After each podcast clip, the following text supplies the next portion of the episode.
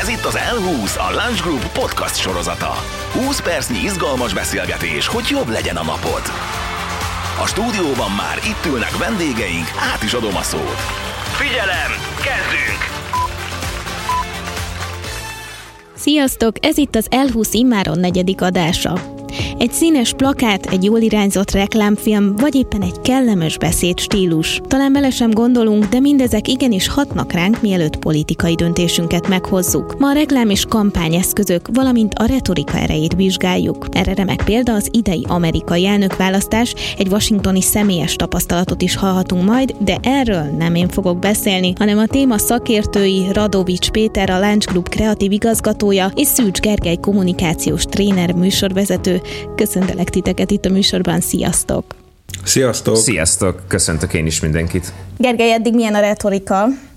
Ó, oh, kiváló, kiváló. Hogyha a hanglejtésedet nézzük, akkor kifejezetten bizalomgerjesztő vagy. Ó, nagyon ez szépen pátosz, köszönöm. Ez a pátosz kategóriát már most kipipálta, és hogyha azt nézzük, hogy végül is struktúráltan felvázoltad, hogy mi a helyzet, akkor szerintem érti is a közönség, hogy miről van szó. Ha ezt hozzávesszük, hogy ti egy kifejezetten jól hallgatott és elismert médiumnak számítotok, akkor az étosz is rendben van, úgyhogy szerintem most még nem nyomott ki minket senki eddig. Egy szavas válaszra számítottam, ez annyira tetszett, így zárjuk is le a podcastet. Szerintem mindent elmondunk. Köszönjük mai vendégeinknek. Részemről teljesen oké, nekem is bejött, úgyhogy nagyjából mindent megbeszéltünk. Nagyon köszönöm, már most nagyon szeretem ezt a beszélgetést veletek, de akkor vágjunk is bele, mert hogy egy ennél is érdekesebb dolog az, hogy milyen volt a retorika az idei két amerikai elnökjelölt Donald Trump és Joe Biden esetében. Gergely, te például a kommunikációjukat figyelve sejtetted előre, hogy esetleg kinyeri a választást? Én négy évvel ezelőtt megtanultam, hogy ezzel kapcsolatban zseninek vagy őrültnek kell lenni, hogy az ember fix álláspontra helyezkedjen, és nagyon magabiztosan előre vetítse, hogy mi fog történni. Ha pisztolycsevet a halántékomhoz tartva, érmét feldobva kellett volna döntenem, akkor egyébként valószínűleg Trumpot mondtam volna. Inkább voltak olyan részletek, azt mondanám, amiket lehetett sejteni. Keveseknek adatik meg egy ilyen nagy kampányba első kézből belelátni, de Peti, te egyike vagy ezeknek az embereknek. Az amerikai elnök választás előválasztási kampányának idején ugyanis a Lunch Group kreatív igazgatójaként egy hetet Washingtonban töltöttél, méghozzá a demokrata kampány kellős közepén, ha mondhatom így. Ez egy tanulmányút volt, szóval minden titkos részletre kíváncsiak vagyunk. Mi volt számodra a legfontosabb szakmai tapasztalat? Hát nagyon érdekes volt. Ö, nyilván egyébként az időpont az sok mindent meghatároz, mert a Super Tuesday az magában egy ilyen nagy báz, meg egy nagy összecsődülés, meg egy ilyen ünnepélyes pillanat, de mondjuk tippelni az eredményre, meg a jövőre ott megint csak nem lehet még. Ettől függetlenül ugye nagyon sok olyan emberrel találkoztunk, aki big data-val dolgozik, és ők egyszerűen nem tudnak nem tippelni, úgyhogy nagyon sok belsős véleményt hallottunk a dolgokról, és például mondjuk én azt gondolom, hogy akkor egybehangzóan az volt a vélemény, amit tehát a Gergő is mondott, hogy mi lett volna neki a tippje.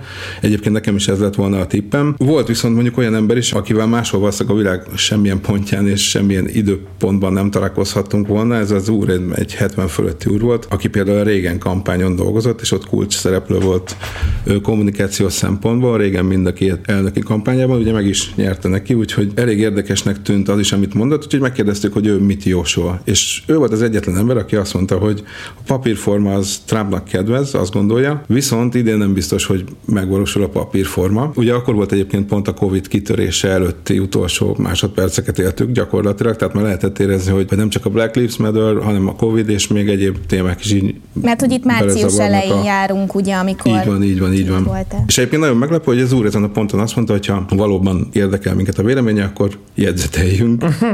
a kredibilitását akarta megerősíteni, illetve a másik, hogy nem beszél a levegőbe, ezt is akarta ezzel közölni számunkra, úgyhogy mondta, hogy jegyzeteljünk, és mondta, hogy elmond néhány konkrétumot, a választás estén vegyük elő, és akkor nézzük meg, hogy mi igaza volt. És egyébként én vicces módon így is tettem, megdöbbentő módon az öreg atompontosan megjósolt egészen apró részleteket, tehát akkor számomra kiderült, hogy amit kívülről mi látunk ebből, még az is, aki ennek szakértője, az, az édes kevés. Tehát, hogy ez olyannyira kulturálisan beágyazott dolgot, maga a választási rendszer, az egész négy év, ami eltelik a választások között, hogy olyan nüanszok ö, számítanak, amiket mondjuk egy európai ember, hogyha nem ér ott hosszabb ideig, nem feltétlenül fog megérteni élete során. Milyen kampányeszközöket láttál, és milyen kreatív ötleteket? Gondolok itt olyan örök klasszikusokra, mint a piros-kék szín használata, a jelölt családneve nagybetűkkel, vagy akár a szamár elefánt szimbólumok.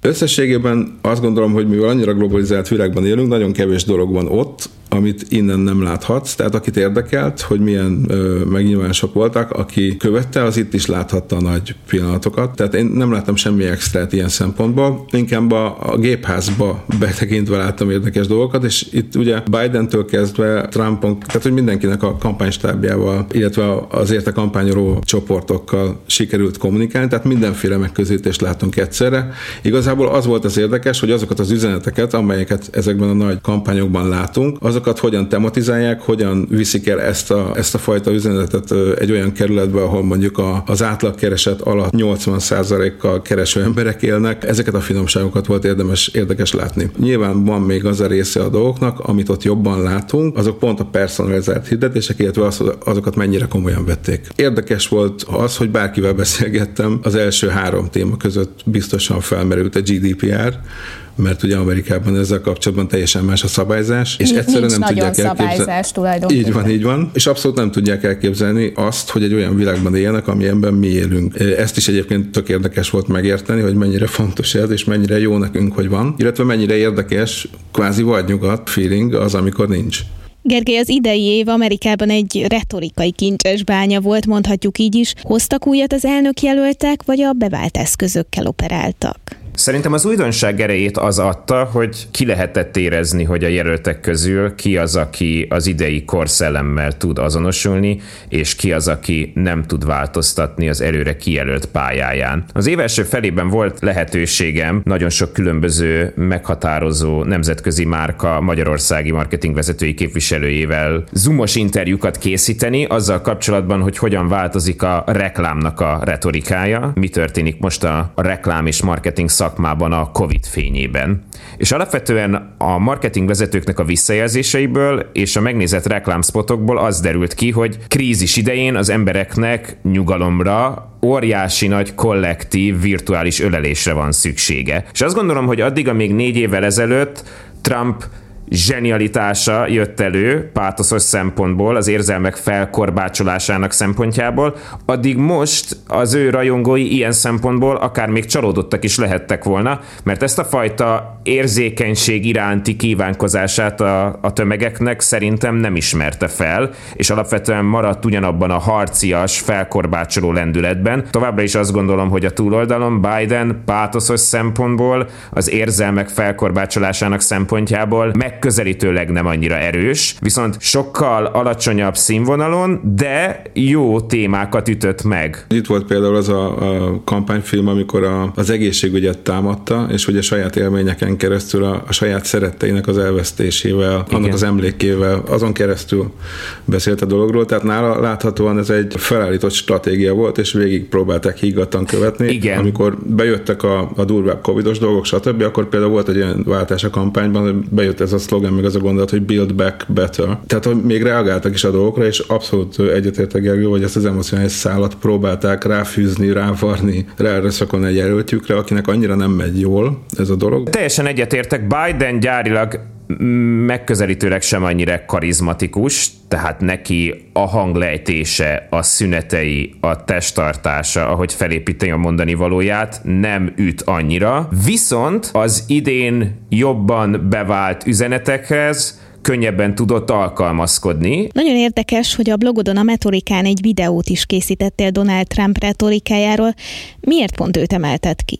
Két oka van ennek. Az egyik, hogy szerintem nem törődni az amerikai Egyesült Államok politikájának a sorsával, az picit arrogancia. Én kaptam ilyen furcsa kérdéseket egy idő után a környezetemtől, hogy de miért, miért, miért veted ennyire bele magad? És hát ha a világ országai gyerekek lennének, és mi mindannyian osztálytársak lennénk, akkor alapvetően Amerika lenne még mindig a hát nem mindenki szerint, de azért a konszenzus szerint a, a leggazdagabb és a legtrendibb gyerek, és a legdominánsabb gyerek. Na most nem tudom ki, hogy emlékszik a saját általános iskolás élményeire, de hogyha az adott osztálynak a legdominánsabb, legnagyszájúbb és leggazdagabb gyerekének otthon a szülei veszekedtek, akkor az ránk is hatással volt. Kettő, azt éreztem, hogy valamilyen szinten nagyon sokakat foglalkoztat, és én azt próbáltam ott is végigjárni, hogy hogy, hogy lehetséges, hogy a közönség egy részében Trump étosza, a retorikájának az a része, ami az ő hitelességéről szól, az 10 per 10-es,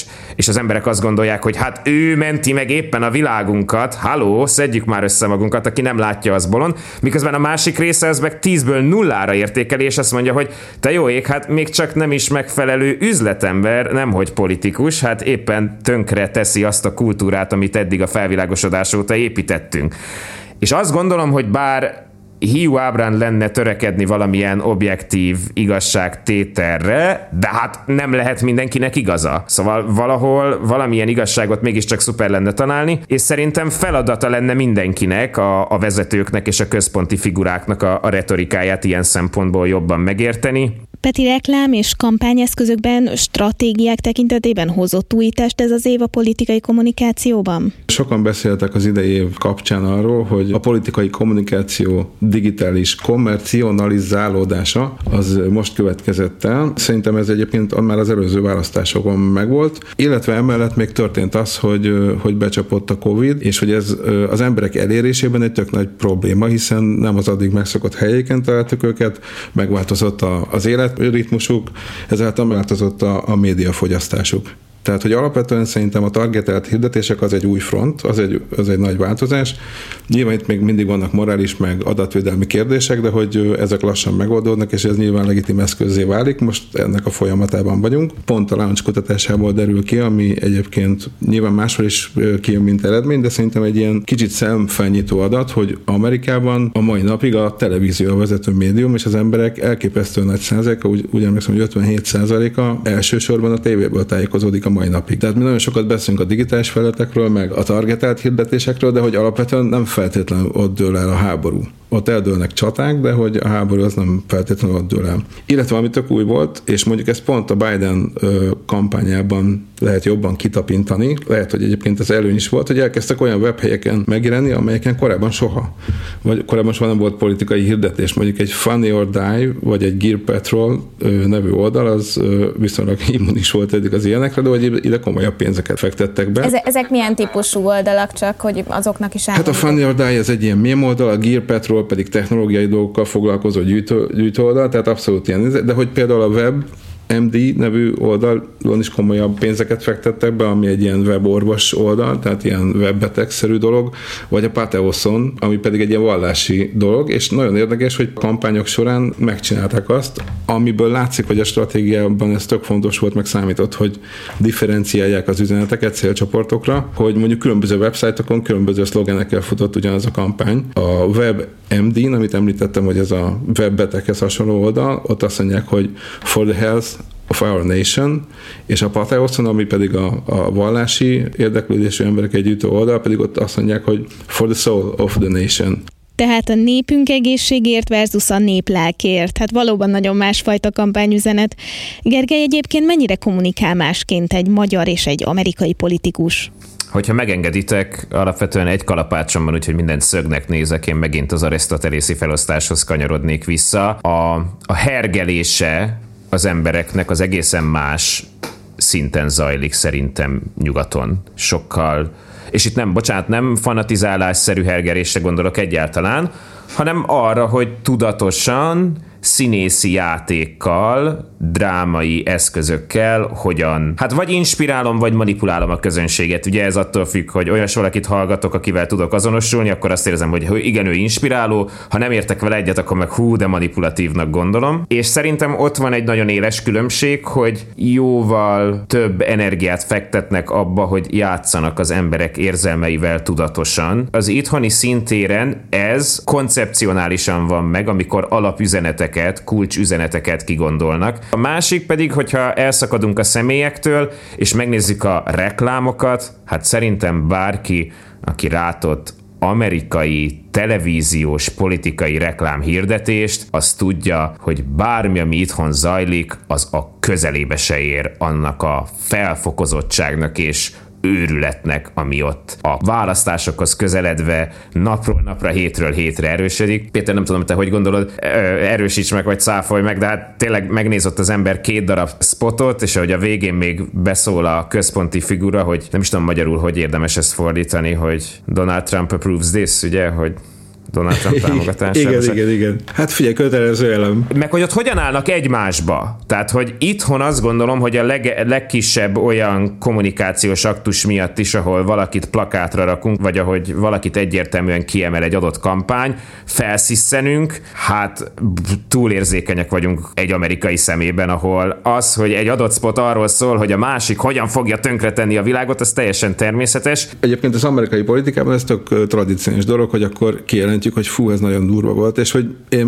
már csak mert foglalkoztam történelemmel is, emiatt sok választás sztoriát olvastam, és hogy azt elmondhatom, hogy közel nem vagyunk a legdurvább választáshoz, sőt, nagyon sokat finomodott az egész, hogyha az ember elkezd 1800-as évek közepéről választási plakátokat nézni, ott konkrétan a plakáton és a sajtóhirdetésen az ellenfél szexuális orientációjával kapcsolatos dolgoktól kezdve a vélt erkölcstelenségéig gyakorlatilag mindenről szó van, tehát nagyon nagyon durva dolgok zajlottak. Ehhez képest finomodott az egész, mert nyilván az egész világ változott ennyit, de hogy alapvetően az amerikai és a magyar kultúra ilyen szempontból sem igazán összehasonlítható, tehát tényleg égés föld, ami történik a két helyen. Szerintem összességében azért abba az irányba megyünk. Teljesen nem tudunk felkapaszkodni, teljesen valószínűleg nem is szeretnénk, és ez így rendben is van, de azt gondolom, hogy mi is egyre hevesebbek leszünk. Szerintem az igazán fontos kérdés az, hogy a következő generációnak mit hoznak majd a politikusai. Tehát ha megnézzük, akkor a mostani politikai elit személyek szintjén azért olyan nagyot már nem fog változni, hiszen túl vannak az elsődleges, másodlagos szocializálódási folyamataikon olyanok, amilyenek. A kérdés az szerintem, hogy az Y generációs, Z generációs világvezetés mennyiben lesz más, mennyiben viszonyulnak majd másként a kommunikációs csatornákhoz, a hatalomhoz, a hatalom pszichológiájához. Na, hogyha azt szeretnénk előre vetíteni, hogy hosszú távon mi fog történni a politikával és annak a retorikájával, akkor szerintem azt kell megnézni, hogy mi történik, amikor egy fiatal nő az Instagramján előveszi a sztorizást, és a lehető legközvetlenebbül, már-már csacsogó stílusban az influencerek, a fashion influencereket idéző stílusban mesél a következő rendeletről. Miatt ezt mondtad, beütöttem tesztként, hogy Ocasio-Cortez, és Instagramja az elég sok találatot feldob egyébként egyébként, ahol szövegesen is a dilemmák meg vannak örökítve, úgyhogy szerintem amit mondasz, az már azért a jelen, nem? Igen, csak még egyelőre extrának számít. Igen, bár pont Abszolút. azt mondják, hogy pont ő lehet esetleg Amerika első női elnöke majd a jövőben, hát meglátjuk. Számomra az az izgalmas, hogy el fog jönni egy olyan meta, egy olyan állapot, egy olyan közhangulat, amikor a vezetők a saját dilemmáikat, meg a saját folyamataikat meg fogják osztani. Nézzétek, milyen levelet kaptam. Nézzétek, ilyen egy képviselőnek az élete, egy polgármesternek az élete, egy miniszternek az élete. És amikor egyre transzparensebbek lesznek. A, a most minket hallgatók mire figyeljenek éles szemmel és füllel egy politikai kampány során, Peti? Hol és milyen eszközöknél legyünk tudatosabbak szerinted? Itt igazából a, a legnagyobb veszély az, hogy nem lesznek önálló gondolataink szerintem. Itt is ugye egy-egy ilyen társadalomtudós, például a német koreai Han, aki a Swarm című művet jegyzi. Tehát az, hogy mondjuk digitális életünk során ilyen rajokba tömörülünk, és egyébként az offline életünk során meg nemzetekben, családokban, országokban lakunk, inkább ennek a feszültsége aztán, amire jobban kéne figyelnünk, mert hogy ez szerintem úgy áthat mindent nagyjából. Gergely, egy politikus kommunikációjánál mit érdemes megfigyelni elsők között? Átérzem-e, amiről beszél, kihallom-e, hogy játszani akar az érzelmeimmel, ez az első kérdés. Ha igen, akkor ott rögtön fel kell tenni a kérdést, hogy ez oké-e, megvezethető engem, vagy alapvetően teljesen oké, mert hogy én már tisztában vagyok a saját érzelmeimmel, és ez biztos, hogy így van. A másik, hogy működnek-e az érvei. Tisztán értem-e azt a jövőképet, amit felvázol, akkor, amikor identitáspolitikáról vagy gazdasági politikáról beszél, akkor az észérvei működnek-e, meg hogy tegyem fel magamnak a kérdést, hogy egyáltalán érdekelnek-e az észérvei. Ilyen szempontból igazából mindenkit ugyanígy kellene elemezni, aki meg akar minket győzni, függetlenül attól, hogy éppen a következő Netflix sorozatról akar a párunk meggyőzni, vagy valamelyik csatorna arról, hogy melyik pártot támogassam. Én nem is arra biztatnám az embereket, hogy a politikust kérdőjelezzék meg. Az lenne szuper, ha társadalmilag el tudnánk abba az irányba tolódni, hogy az embereket arra neveljük, hogy kérdőjelezze meg saját magát időnként. Te jó ég, mi van, hogyha én elfogult vagyok? Mi történik, hogyha engem már nagyon rég bebetonoztak ebbe az adott pozícióba, és alapvetően kényelmes nem végig gondolni, kényelmes nem megkérdőjelezni.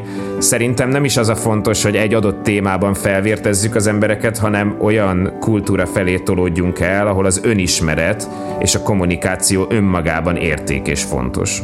Ahogy a mai beszélgetésből kiderült, talán nem is az a fontos, hogy mások, így például a politikusok mit akarnak nekünk szavakkal vagy képekkel átadni, sokkal inkább az, hogy mi mit hallunk ki ezekből. Neked, kedves hallgató, milyen az önismereted? Olykor megkérdőjelezed magad, vagy ha egyszer valaki valami mellett döntesz, kitartasz a végsőkig. Remélem, ha már retorika, meg volt a pátosz itt az utószóban is. Szívből köszönöm vendégeinknek, Radovics Péternek és Szűcs Gergelynek a mai beszélgetést, lesz mit magunkkal vinni belőle és a hallgatóknak is jár a köszönet, hogy ismét velünk tartottatok. Tegyetek így legközelebb is. Na ne, már is lejárt a 20 perc.